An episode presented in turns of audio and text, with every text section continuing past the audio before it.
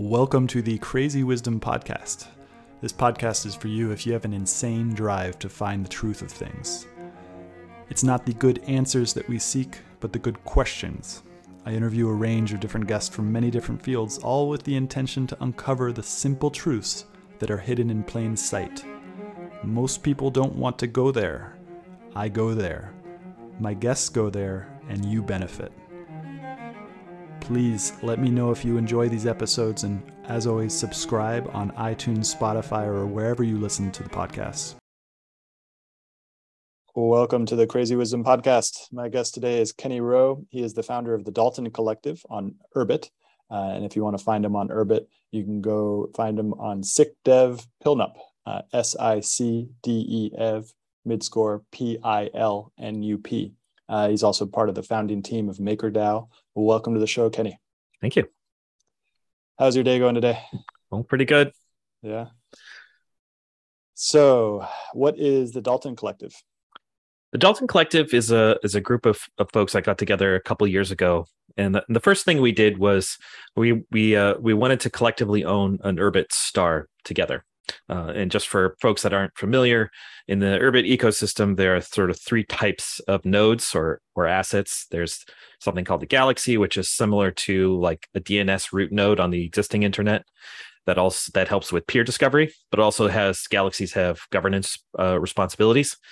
Then uh, one step higher than that is uh, Star, which also helps with peer discovery. Doesn't have any governance uh, aspects to it. And then the one above that is something called a planet, and a planet is like an individual identity. And so planets are relatively easy to come by. You know, they cost between 10 and 20 dollars depending on you know the market price at any given time some are more rare and that maybe those go for more but they're fairly easy to come by however uh, stars are a bit uh, more expensive because they hold within them 65,000 of these uh, planet identities that can be either sold or used in some other way and so from the early beginnings there's this sort of notion in urbit that these uh, identities, these stars, would either be businesses of some kind or some other kind of group activity. And so in 2019, uh, I just I thought, you know, I've got one of these things. I'm not doing anything with it. Might as well form a group around it to such that we could collectively own it and figure out what these things might be good for. And so that happened back in uh, 2019. And as as the group evolved, really what we were interested in pursuing was something more like uh, sense making as a group mm. right and so it, it's mm. not a business it didn't it didn't become anything that we're trying to like make something and ship it that kind of thing really it's more of a, of a social group. It's actually kind of more similar to sort of traditional uh, like elks clubs or other social groups where the the uh, the reason for coming together is primarily uh, like social. So every week we get together and we try to figure out as best as we can sort of what's going on in the world around us. What do people think about like whatever topics the group is interested in that sort of thing. And we've solidified around uh, three core values for the group. First being that fellowship, that uh, that getting together on a weekly basis and then like sharing of the minds type of thing. But we also want to do that uh, sustainably. So that does mean we are trying to to acquire resources or start things that do have income, that sort of a thing. And we'd want to do all of that as sort of um, as in a way that is the most sovereign as possible. So sovereignty is our third core value, both as individuals and as a group. And so the way that's worked out over time is we have these spin out groups that that do try to do specific things in the world, uh, like a business or, or or some kind of entity. And right now, the one that's the most successful is, is a group called Quartus, and they do software development on Urbit specifically. And so they also help us with the the the rest of the group build tools for our group. So one of the tools that they built, for example, was a little way to help keep attendance for meetings, that kind of thing, uh, which is kind of like an NFT, but it's not like an it's not uh, an asset because it's not registered on any blockchain or anything like that. So that's kind of the way we've kind of formed and what we're about, and we've been doing this for the last, let's say, since late 2019. That's really interesting. A lot of questions came up from that. Um, how do you spell Quartus? Q U R T A S, Quartus. Yeah. Um, and so, are you a software developer as well? I am not uh, a software developer, but I am fairly technical. Uh-huh. Usually, where I sit in any sort of technical organizational chart would be sort of like a product. So somebody who can speak to developers and understand their processes, even write a little bit of code. But really, um, my interests are a little bit higher level, usually. So I, I really enjoy trying to communicate uh, abstract topics or adapt them to mm. to to different scenarios and situations. But uh, yeah, not not a professional developer. Yeah, the question I had for that: What are the differences between software development in Urbit versus the rest of the ecosystem? Because I, like you, also like to describe, uh, describe and communicate various things and try to understand technical things, but I'm not technical, um, and so I'm really curious as to how the functional programming and even maybe even getting interested in in learning software development for Hoon because I've heard that it is much simpler than than uh, once you understand it is much simpler than other programming like the imperative programming domain. What do you think about that? Well, I, I think the the real benefit for me in the way software is developed in Urbit is that it, it really strips away a lot of the um, developer sort of um, pain points in terms of like running servers, right? DevOps. Mm. So when you if you have an idea for a quick little app, I mean, even if it's just like a poker app or note taking or something even very simple in terms of like the business logic and like how, how much data it's going to store if you want that to scale past you know anybody who can literally install something like that on their own on a linux server then you're going to have to run servers right? You're going to have to maintain them. You're going to have to keep mm. them going. You're going to have to do all of that stuff which is a pretty hard barrier to to like creating software because that that's a cost that's almost immediate and you have to ha- you have to bear that cost right? So in Urbit, everybody runs their own software. Everybody runs their own server. So you can come up with an idea, a tool, a simple sort of thing that you want to see, and then just ship it out, right? And then people run the infrastructure for that, and you just push out updates or you know however that sort of works. Mm-hmm. So I, what I've seen really is just it's it's uh, groups that have ideas and want to like hack on something together. You can do something pretty quickly and you can get it out there. Mm-hmm. And for the most part, you know, it doesn't take a lot to maintain.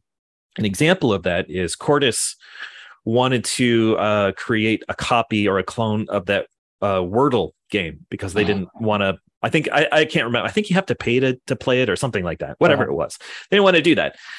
And so essentially, they they copied the same game mechanics, right, and and just put it out there. And now everybody on Urbit can play uh, Wordle but you know you run it yourself and i think let's say the guy spent like a week and a half on that and i don't think they've touched it since. Like it it just does what it does. People run it and they play it as they see fit right?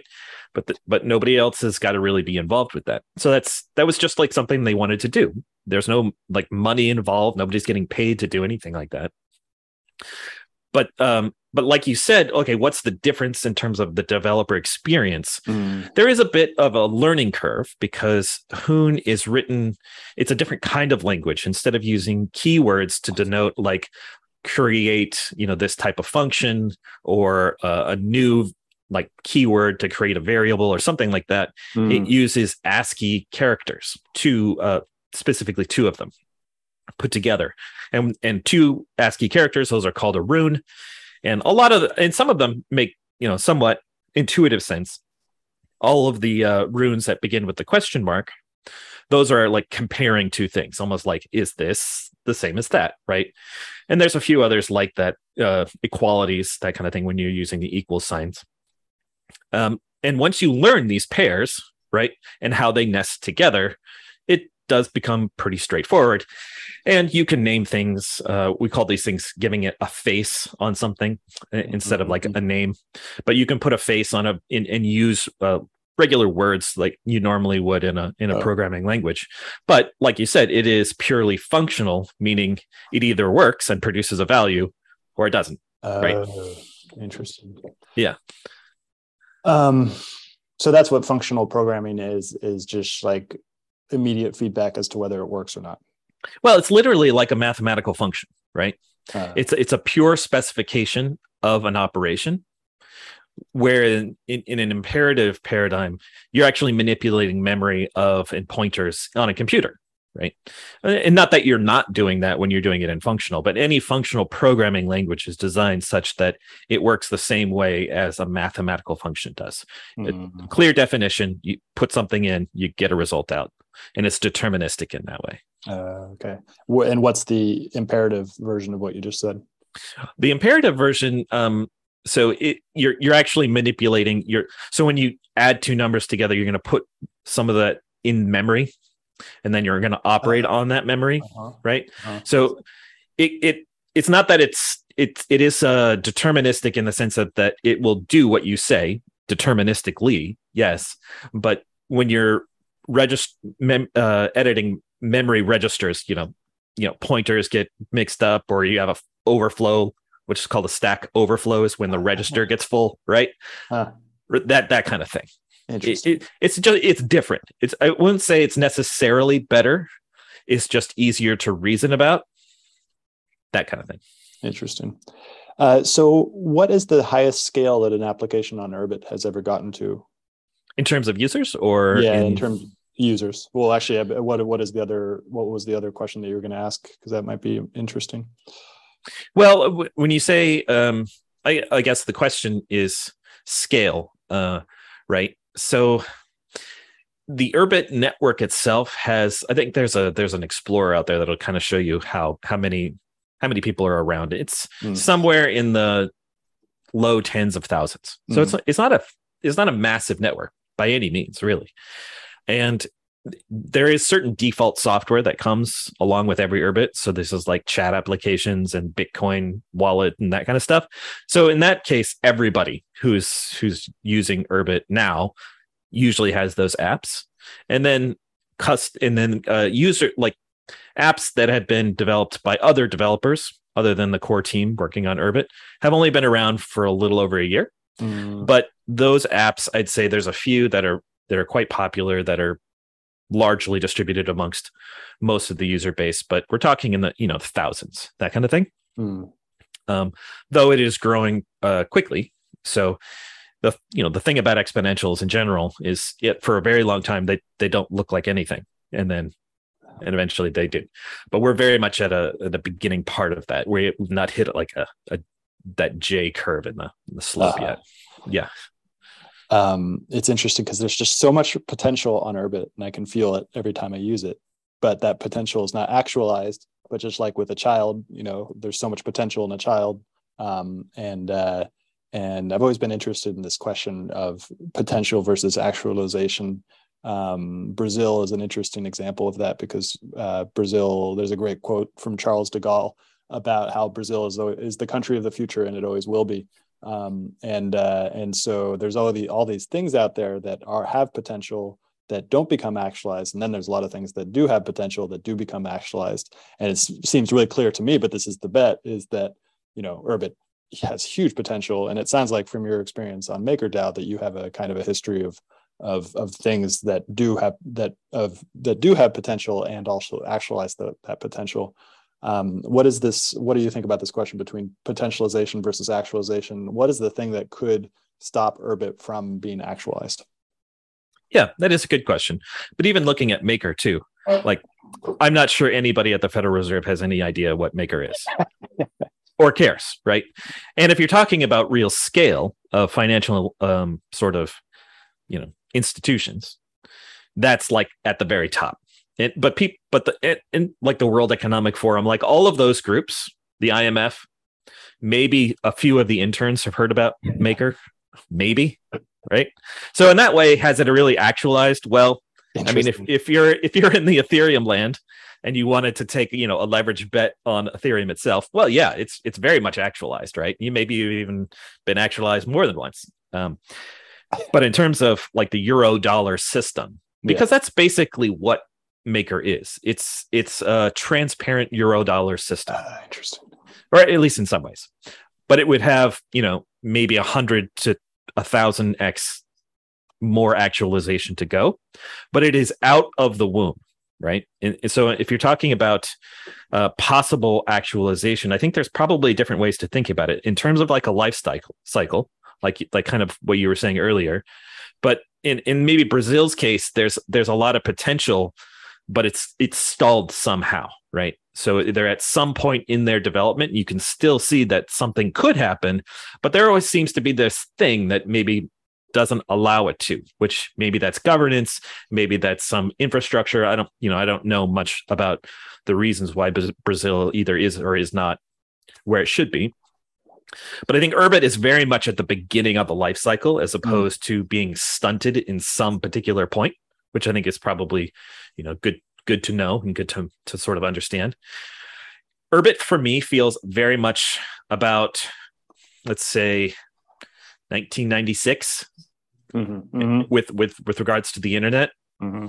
roughly speaking and that's that's the time in uh, which i discovered the internet myself so i, I kind of remember that as my first introduction to like this whole sort of connected computer phenomena however like that goes back uh, many more decades than that in terms of networking you know late 60s early 70s is really when network computing started okay so if Urbit is sort of like in the 1990s of the internet, maybe it's running a little bit of a faster clip just because everything seems to be running a little bit faster. but we still have probably another, I don't know, five to 10 years before we have something like YouTube or Netflix or maybe even Facebook at its at its most extreme, something like that. That seems about right to me. So I don't see any blockers technically However, if anybody who's listening to this has actually used Urbit, you'll know immediately that it is not a performant server. what it is is a you know it's a functional server that does sort of work, kinda. But this is very much my uh, experience in the 90s, right? Um, I used to we used to do things where like we wanted a web page to load and you would go and do something else and then come back right? That's not an experience uh, we're very used to right now, but that's very much what some of the experiences are like in Urbit. Why is that important, or why is why do I stick around, or what do I, you know, find that interesting? I, I find that interesting because, and, and maybe let's just kind of rewind the tape a bit and think about computing in general. So when computing was first invented in the 40s, right, it was very much the the domain of militaries and nation states, possibly large institutions like universities or corporations. You know, and the and the computer stayed in that category. It was very large and expensive as well, all the way up until about the 70s or so. Mm. Then you've got people like Gates and Jobs who say, you know what, what we really want is personal computers, things that people can put on a desktop you know, where this metaphor even was possible. So that's where that that shift from large industrial expensive to personal came into being right there, right? And then we connected these things together. And if you move forward into the present day, we still have those computers that are still the pre- like mm. corporations and governments and universities what those computers are called servers people individuals don't have those things right mm-hmm. they're still mm-hmm. very large they're very expensive and they do sort of industrial type activities well you know when uh, urbit was first invented the thesis here was what could we do with a personal server mm. so all of the capability and all the functionalities that google and facebook and you know the military might even have in terms of de- deploying these things in a you know in a particular way could we bring that in back into the personal sort of sphere into the something that you can hold and you can hold onto and own that kind of thing mm. so what we're we've just now mm. we're at the point where we're actually practicing this this idea practicing this thesis and getting an idea of what might be possible but really it is we don't know right in the same way that we didn't know what the effects of the personal computer would be and really didn't really manifest until the the personal like a phone, right? The uh, a mobile device. That's really when I think it really took off and, and sort of became very, very mainstream. More people own mobile devices than desktop devices or laptops, that kind of thing. Mm. We're not at that point yet. So right now, what we have is a few things that are better, like soft, software distribution is absolutely, I would say, better in Urbit than it is running your own servers and trying to get people to go to your website that kind of thing. There's a bunch of other things that we could but we're going to have to explore that together. We're like, we don't exactly know what that might be just yet. Yeah, it's so interesting because you're you're talking about something again. It's that potential versus actualization, yeah. where you, and you can see it in a child when a child's trying to learn. You know, they're learning about the world by learning it, uh, and that opens up all these potentials that they can only do as the singularity of the of this of this consciousness. And and you see them kind of like getting feedback of the world by learning about it. And you're saying that that's the same thing. Like we don't actually know what what having a personal server does for humans, individual humans um, but we're actually learning about it as we go, which is really fascinating. Um, which goes into this kind of the the outsider kind of main critique of Urbit, particularly in the in the kind of political world, is that um, it go it's like neo neo feudalistic, which I don't necessarily believe, but it's this so. But it, it, which is also interesting because it brings in this other angle of sovereignty um, and just like if i as an individual have the same power as these large corporations uh, what does that what does that do to society um, and but that's not necessarily true because a corporation has all these large like f- abilities to do crazy finance because of their leverage uh, whereas individuals don't but some individuals like elon musk do have that ability um, that was kind of a quite a brought up a lot of stuff. But what do you think about that? Well, let's let's take the last part 1st mm-hmm. So the the idea here is oh we, we might have all of these new capabilities with with these new tools right but how are we going to compete against the already established uh, hegemon and i would argue the mm-hmm. already established feudal society that we mm-hmm. already are yeah, living in right like you don't own your Facebook login. You don't own any yeah, of that. Interesting. right. Yeah. And if you want to call something feudal, call that is the thing that is feudal. Yeah. Right. Okay. Well, how do we, as as maybe more and more enlightened computer users, well, how are we going to compete against that? Well, this is somewhat uh, the thesis of Dalton as well. Right. So, one of the very difficult things to do as a human right now is make sense of the world because there is so much data. Right now you can do that in a couple different ways. You can just, you know, strap down and like try to figure it out, think critically and and if you've got the time for it, great, you know, go for it. Or you can leverage the tried and true like the tribal mentality of this is my tribe, this is how we make sense of the world and I don't have to think about it. You know, people really say there's um they don't a lot of people say there's a lot of wrong with with sort of uh let's call it identity politics and that sort of thing. But one thing it does do really well is it makes the world very clear, right? So it has that going for it. But what about in the middle? What about small ish groups of folks? So that's where the Dalton Collective is trying to, to experiment and make headway, yeah. which is like, how do we make sense of the world collectively as a small group, not a massive, like massive group, like a, a political party, and not just as an individual? Okay, well, that's great, but we're going to need tools to do that. Okay, so we're going to need communications, right? That that's very much where Urbit comes in. We're going to need uh, economic tools. That's also where Urbit comes in because Urbit is not a blockchain; it is blockchain agnostic. You can send your transactions to any blockchain. You can consume them and keep track of them and do however you want with your own personal server, but it gives you that that freedom and functionality to uh, act in the world and to make like economic decisions, sort of arbitrary of whatever tech stack or whatever consensus mechanism, all of that stuff, right? Just to serve. So there's that. So enable, let's just say broadly speaking, smart contracts, because I think that's probably more relevant to this conversation. So you've got small ish groups networked together that can build their own tools that can exercise that organization and sort of, let's say, pay each other using distributed ledger technologies with tools that they own that they own by themselves. I think that is a potential sort of recipe for how uh, because the the decreased costs in, involved with this, right? Very very sort of low cost organizational structures.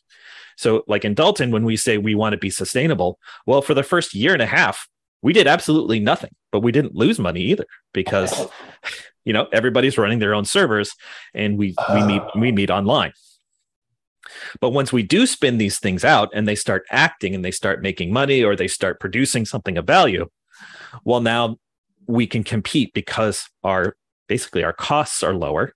And if our sense making is better, those two things could give us a competitive advantage.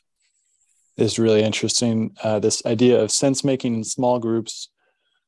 Uh, have you ever read the book Ender's Game? Oh yeah. Mm-hmm. Um, in Ender's Game, I love that you used the word hegemon because it immediately brought me back to that book. Um, and in that book, I think it was written in the 1960s, 1970s. Uh, Earth had been, I believe, centralized under world government, and that was like the promise of the 1960s and 1970s was this this period of massive modern technological development uh, that was leading to like centralization, and centralization would be this good thing, particularly when aliens come back, come and you know try to kill us all and everything, is that we have this large centralized thing. But it looks like there is a pump fake from uh, from fate or history or something like that, because it now seems that the centralization narrative is kind of somewhat collapsing. Not necessarily collapsing in the sense that like the Roman Empire collapsed, but more collapsing in the sense that relatively it seems that these decentralized things, and this might just be you know technolo- tech tech bro cope uh, but uh, but uh, you know, like uh, it, it seems like decentralization is the way of the future, and it looks like you, what you guys are doing is right there in the thick of it. What do you think about? And, most people think collapse; they think balkanization, um, but it seems that we're actually headed to a world of just so much cultural, economic abundance in these in in, in narratives uh, and all these different things while also having some scarcity in other ways as well um, and, and so it's just going to lead to complexification to the point where no individual can really get a hold on it. But what you guys are trying to do is really interesting because you're saying small groups. Well okay here's the question. Uh, what do you think is the potential for um, small groups to do sense making? What do you where does that fit into our hmm. world that we're entering?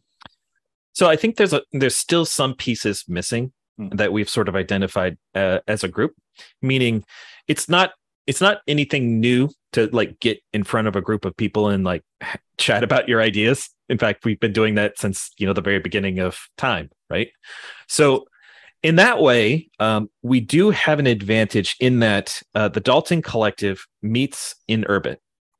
If you are the kind of person who is inclined to even think about personal computing in this manner has the time and inclination to do it and all these other like sort of filters that go along the way there well that by the time you you find us more likely than not we're, we're well aligned in a lot of different ways mm-hmm. right mm-hmm. not necessarily so but there's a few more filters to go through in terms of like commitment to the group and a few other things but all that said is we have a similar worldview already which helps with cohesion uh, but what we are missing in that is like ways in which to sort of get this out of our head and into something that's more legible in the sense of um, almost like think about uh, world views and like knowledge graphs. Something knowledge graph is probably a better way to think about it, right? So, and this is something that we've been thinking about and working on and sort of speculating on for some time. So, uh, because we have these networks of servers, we can hold our own data. We can operate them however we see fit. We can we can write and iterate on software much quicker, faster, with very little cost and overhead. Right, so there's less economic pressure to doing something like this. Maybe we can come up with a way in which the group can create these mental models of things and store them in our urbits for us to maintain and manipulate almost mm. like an object and if that is more legible and or more useful than getting together and just talking and then holding that information in our head like oh yeah what did what did somebody think about that? Or what are we going to do in this way? You know then possibly that is also something that's new and not yet something we can do in any other context. Hmm. that's really cool. I've been wanting to see if there's a sort of university or like what does the university look like in Urbit um, and you know maybe starting some sort of star like that like w- answering this question as we enter what is the what some people call the patchwork age, where just this proliferation of, of you know, as, as, as I discussed before, what does the university look like?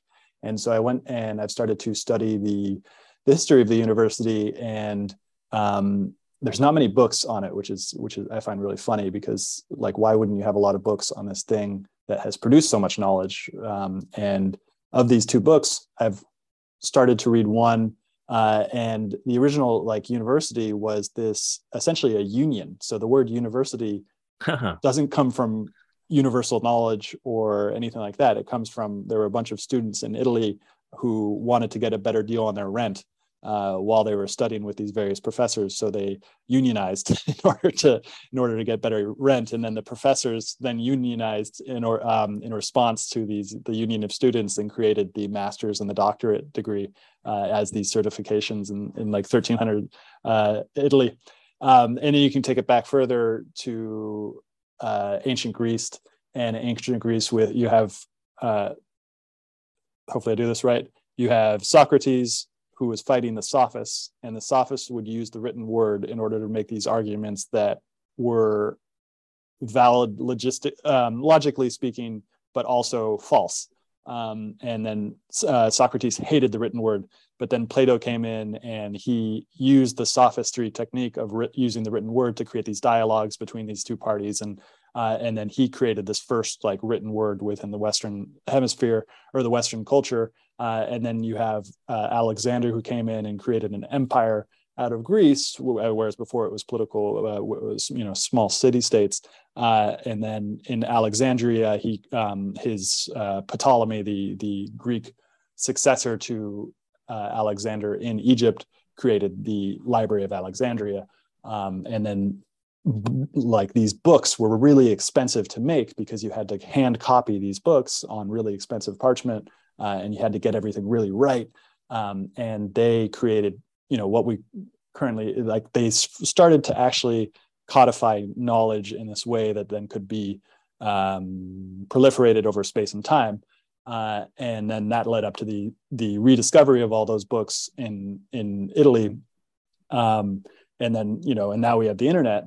Uh, and I was, and what you just said basically makes me think that Urbit is a university um, eh, not only a university but also a library uh, as we enter this patchwork age where th- this is where this kind of like you know the those books that disappeared during the middle ages they didn't actually physically disappear but they disappeared within the virtual social space of hum- humanity and then were rediscovered. And it sounds like that's what urbit might actually um, kind of be if we're comparing to past historical examples urbit might be this sort of like lost book library, basically. Yes. Um, and yeah. it, you can even see this happening right now in the sense of um, there's a website called um, the Internet Archives, mm. right? If, and if folks are familiar with that, you you can go to a particular website and see what it used to look like in the past, which is very interesting. But of course, the internet's a very very big place, and that's a lot of data, and so they don't really have everything. Mm. And in fact, um, people have noticed that certain um, online publications have they frequently change their websites and their articles over time right?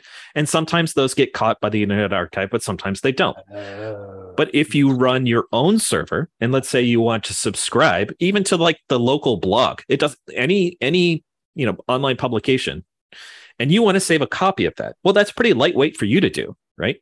And you can maybe even have a little feature that's like pull up the website as it exists today, check it against my copy, and just highlight the places where they're different, like real quick, right? Mm-hmm. And and that kind of tool, it's really easy, really straightforward to do on Urbit, that kind of thing.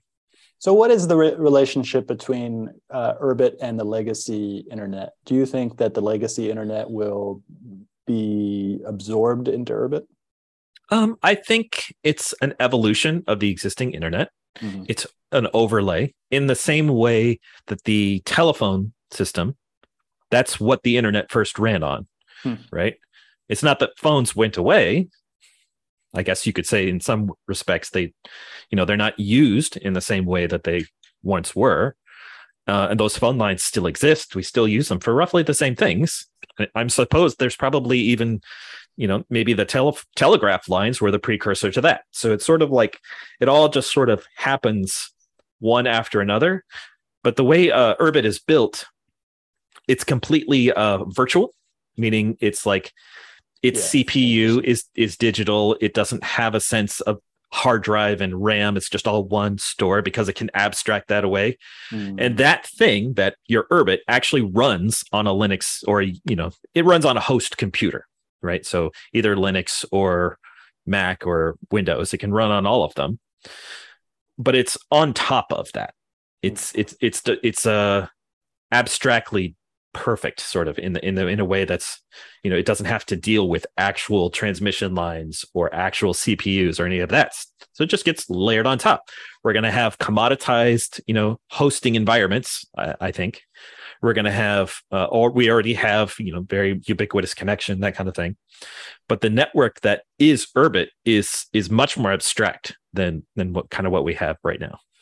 Which is so interesting because it gets back to that original promise of the hackers with the internet was this decentralized network that wouldn't go down in a period of uh, of kind of you know uh, cr- crazy civilizational level strife. Uh, but but it actually just uses all of those previous things that had become centralized, and then it decentralizes them on top of the centralization, basically. Yeah, I, I view decentralization and centralization as uh, you know, some people say, oh, it's a pendulum swinging back and mm-hmm. forth. I, I still do think there is sort of a, um, it's not exactly an arrow or an arc to history. So maybe that it's more like a, um, a spiral, right? So it is going somewhere. There is a direction to these things, but we do kind of tend to find ourselves back in the same place given an, enough amount of time. And you can see this quite clearly with like, uh, television, for example, right? Right. So we had highly centralized broadcast companies. There's only like four and then you know spread out with uh with cable mm-hmm. right and more and more options. And then people were like you know what i really want is just a la carte. I just want the one thing that i want and I'll, I'll just pay for that. And now if you want any sort of decent programming you need 16 different separate streaming services right? So we're he, we're reaching peak decentralization when it comes to um, entertainment. And likely where that's going to go it's going to be uh, you know we're going to head right back towards the arc of centralization in terms of somebody's going to come up with a better service that's like, oh, all you got to pay is one fee, and we're going to aggregate the best content from all of the different streaming services, right? And people want that. People, because there are advantages and disadvantages to both paradigms. And when you get too far on one, that's that's the impetus towards the other. Yeah. Right. So when it comes to computing, we're just not at the max decentralization point. We're actually the a little bit the opposite. We're just cresting the hill of centralized uh, mechanisms and centralized uh, benefits, right? It's not like we didn't get benefits from centralization in computing. We certainly did, but we're starting to experience the very much the downsides of those things, mm. not being able to have much control over our own digital life as our digital life becomes our primary existence, mm. right? So that's why, and and finance the same way, right? If you've ever tried to do a, an international bank wire, I mean that's a very unusual thing to do, but let's say if you ever did, right? You'll find immediately that that money in your bank account really isn't yours. You have to convince somebody else to do it for you. and if you've ever sent money across borders with crypto, you know it's very easy. You just do it. And that's relevant, uh, at least for groups like the, the Dalton Collective, because we are not in one place. Uh, we have international members. So if we want to do payments, we need cross border, right? The only way we can get that done is with blockchain technologies. These are the, you know, but it comes with other sort of very real and concrete disadvantages, which is like if you send it to the wrong address, it's gone. Mm-hmm. Mm-hmm. if you don't secure your private keys, you might lose it. And eventually, those pain points are going to get solved by probably more centralized services yeah. that eventually that at the beginning will be very trustworthy like coinbase right but on the other side ftx not so much mm-hmm. and but it, it very much is sort of like this spiral of mm. centralized decentralized centralized decentralized but always in a sort of a more capability we're always moving towards more functions more things we can do as a as a species i think mm-hmm. So there is a like directionality to it. Yeah, interesting. It's a directionality within a spiral. Yeah. It, it, it, it, as you were talking about that, it reminds me of both psychological and spiritual development as well, uh, because and also civilizational level development. Although that's what we are talking about is just this this. I'll take this the psychological development.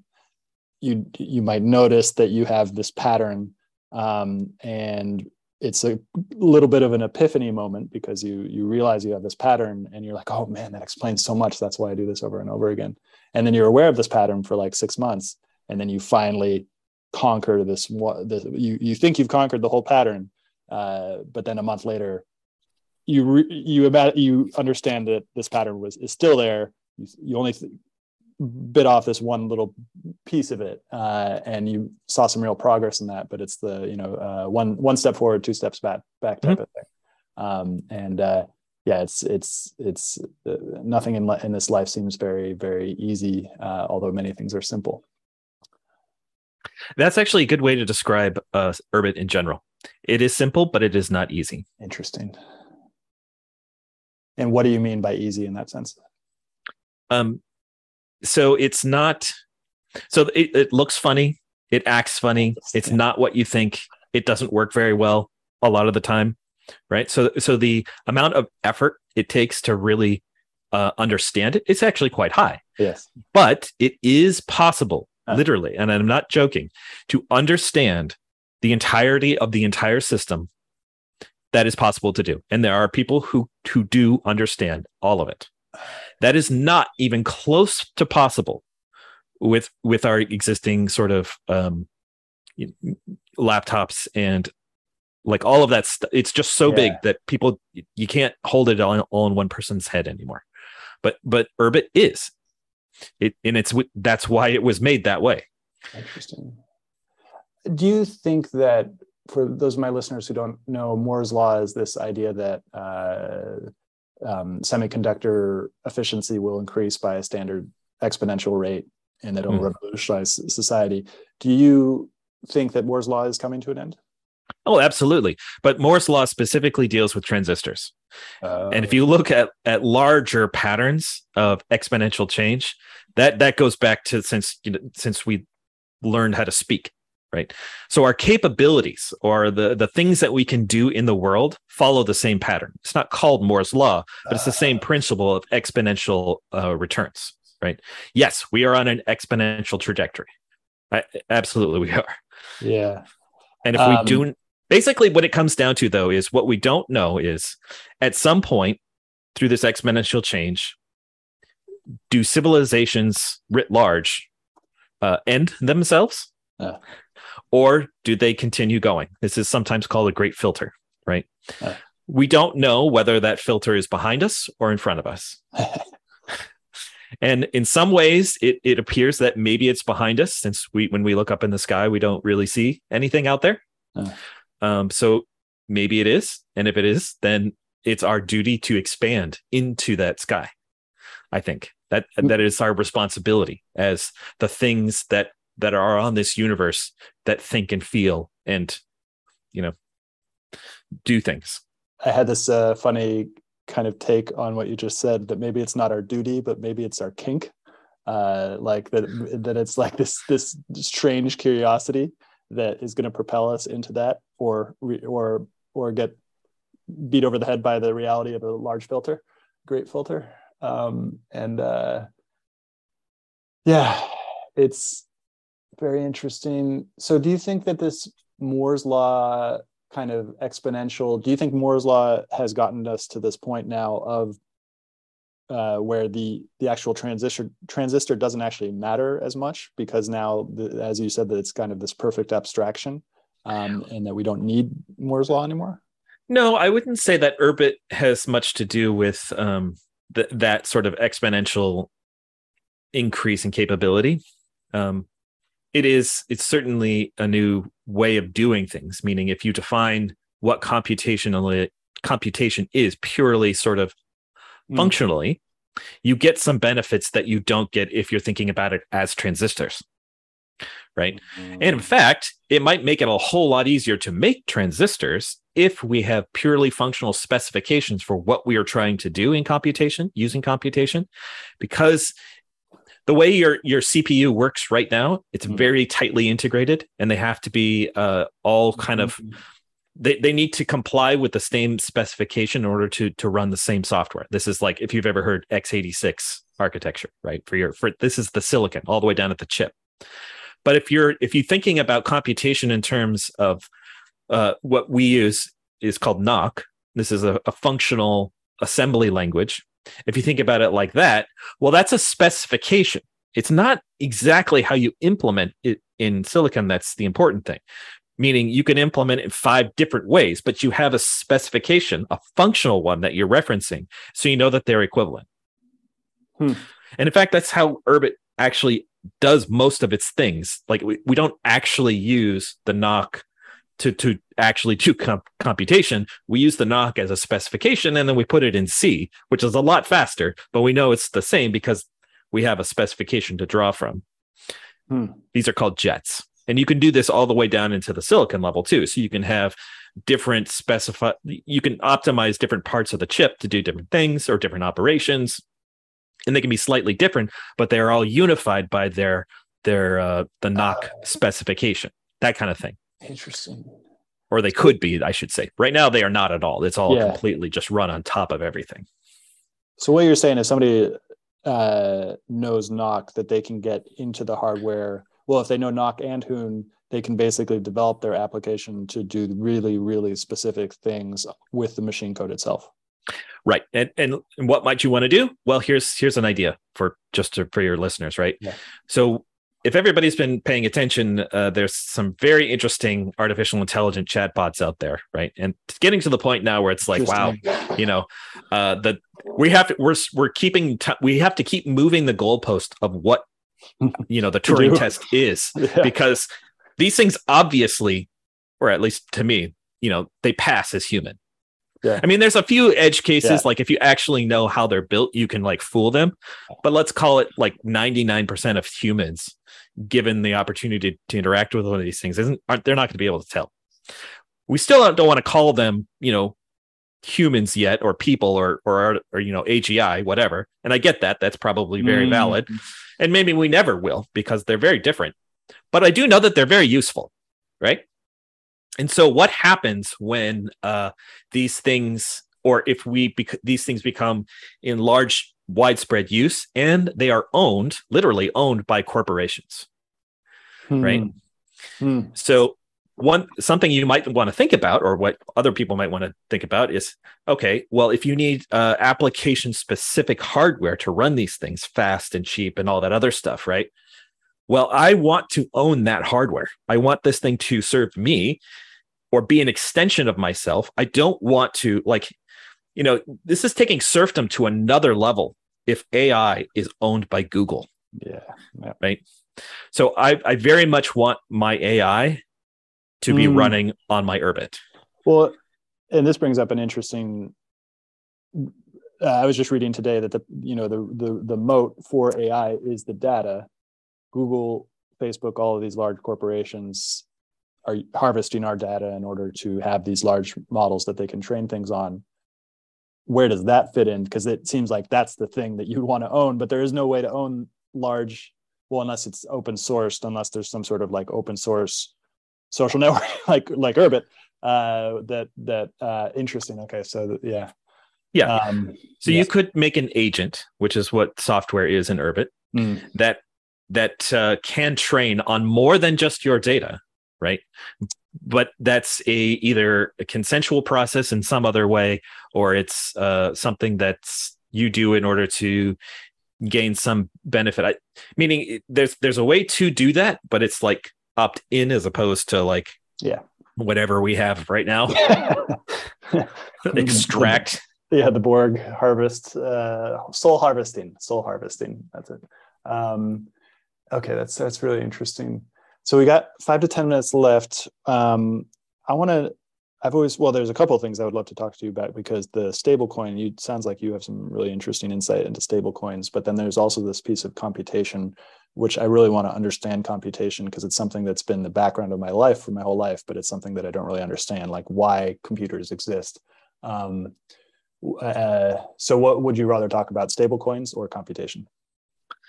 Uh, well, let's go with let's go with computation. That seems a bit more interesting or yeah. more relevant to the conversation so far. Yeah. So, like, why why do why is why in the 1940s did computers start to take over the world?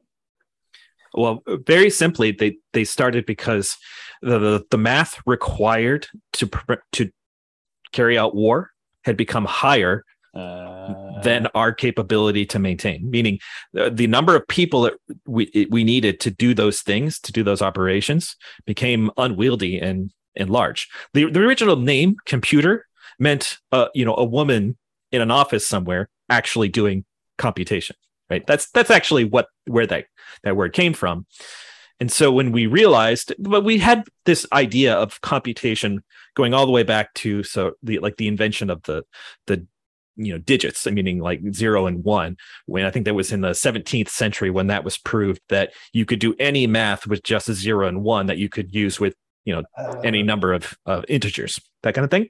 Yes. So it, it's been a, it's been a kind of a mathematical progression and things like uh, Babbage machines where they could do uh, they're like analog computers where they could you know turning uh, gears and things like that to, to to output computation. But really, that's where it, that's where it became the most useful, which was you could do war better with these things than you yeah. could without them, or more cheaply, I should yeah. say. So it's usually the case that new new technologies and new uh, capabilities are very expensive at, at the beginning. And so they are only leveraged in very certain circumstances. Uh, and I don't think there's going to be any difference here, so to speak, right? So the um and and you might say that this is the people who choose to use Urbit now are willing to put up with a very high level of sort of uh, user experience pain in order to do so. Well, why do they do that? uh-huh. And that user experience pain might replace that original constraint, which was high cost, basically. So, like the high cost in the 1940s of developing a large computer, or developing, maintaining a large computer, is now because software, because of Moore's law, because all these things got so much cheaper that that initial people who experiment with things that it's the high cost in terms of time and frustration, basically, instead of high economic costs. Yeah, and and I'll say something that's sort of mundane in the sense of capabilities, but and I kind of alluded to this earlier, but there is extreme value for finding your tribe in general, right? And mm. if your tribe is the kind of person that's willing to put up with a lot of user experience pains in order for some future benefit, mm. you get a lot of uh, social um, benefit out of that, right? Yeah, so you can get some really good friends yeah, because, because of their high tolerance for frustration. Basically, because you already have similar um, worldviews, you have similar ways of thinking uh, about sort of like the the cost and the benefit of things, yeah. right? And so you're just going to get along more naturally. But as the technology improves and gets better, well, that's going to be less and less true. But it will necessarily have to have other benefits that we just don't really know about yet. Interesting. And so, why is zero and one back to that computation question why are zero and one the uh, like why is a binary the best way to do computation uh, maybe it's not the best way but it is the easiest way because uh, it's the uh. easiest way to store that state so on and off represent the same zero and one and you can do that. Uh, so, like I mentioned, the Babbage machines, those don't use they don't need binary digits to do that. You can use you know any kind of number structure you want because it's just cogs on a wheel, that kind of thing. But if you're using um, electrical, uh, or if you're wanting to use electricity, uh. then you know off meaning there's no current, that's zero, and when it is on, there is a current, that's one. And now you're just basically off to the races from that yeah, point. Interesting. Yeah, and that's why it's digital as opposed to analog. Interesting. Okay, so you, we need electricity in order to, or it's the best way of harnessing electricity in order to do um, computation at the current moment. Um, so then, how does a zero and one get translated into, say, me typing on a screen? So that's input and output. So if you've ever heard of I/O channels, on your Uh-huh. computer. So the input, the things, the electrical signals coming in, and what are the electrical signals going out? So an an example of a zero in a one in the output might be all of the zeros and ones that are coming to your screen to change the different pixels Yeah, on the on this right Yeah. and the inputs are the the when you actually click or type a mouse right that creates a connection electrical connection which sends that input Mhm. over a wire down into the motherboard and you know it makes its way to wherever it's collecting all of that information on the register and in urbit we have the very same things so around arvo which is the kernel Mhm. there are different vanes and these are input and output sort of you can think of them as almost like drivers but one of them is like text input and another one Mhm. i- you know is like networking that kind of thing so we, we have similar architectures in in that sense but they, again everything is sort of software defined as opposed to physical things that actually send electrical Yeah. signals Interesting. But then eventually it does get into those physical things based on well, so what is the connection between that that kernel and the computer that I'm running? Oh, so it goes through the operating system on the Mac. Uh, that's the connection is basically it then Yeah. gets translated into Yeah. yeah yeah So your Urbit itself is called Vere, which is just the program that's running on your computer. yeah. But the Vere Vere is uh, running on Linux, or it can run on Windows, or it can, and they can be written in different languages. That's not the important thing. The important thing is that it can can translate stuff coming in from the host and going back out into a language that Urbit understands. So, which in this case is is Hoon, which Ah. compiles directly to Nock. yeah yeah. so it's it reminds me of that term bootstrapping which is just like everything is bootstrapped all the way down Yes. uh, including From zero to yeah. to how yeah so how do you get from nothing to something That is yeah. the bootstrap problem yeah Ah, it's so interesting okay so last question this is really interesting your your ability to explain things very clearly is is um AAA bond material. Uh, uh, so so how so um you were talking about chat gp we we're open ai a little bit with these these these chat systems that are really really powerful. Um and then i've recently come i, I kind of want to learn start to learn programming again. Um i had a failed attempt a few years ago but now this idea that i can have almost sentience next to me pair programming helping me get immediate feedback about what i'm looking at and teach me. How close are we to that? Like is that possible right now? Can i learn programming using this this sentient almost sentient maybe sentient um, pair programming paradigm? Meaning specifically with uh, chat gpt or some other tool like that? Copilot maybe yeah um, i saw copilot try to do some hoon i don't think the data set is large enough such that it it can kind of understand some of the some of the syntax but not really it's not valid syntax Mhm. right?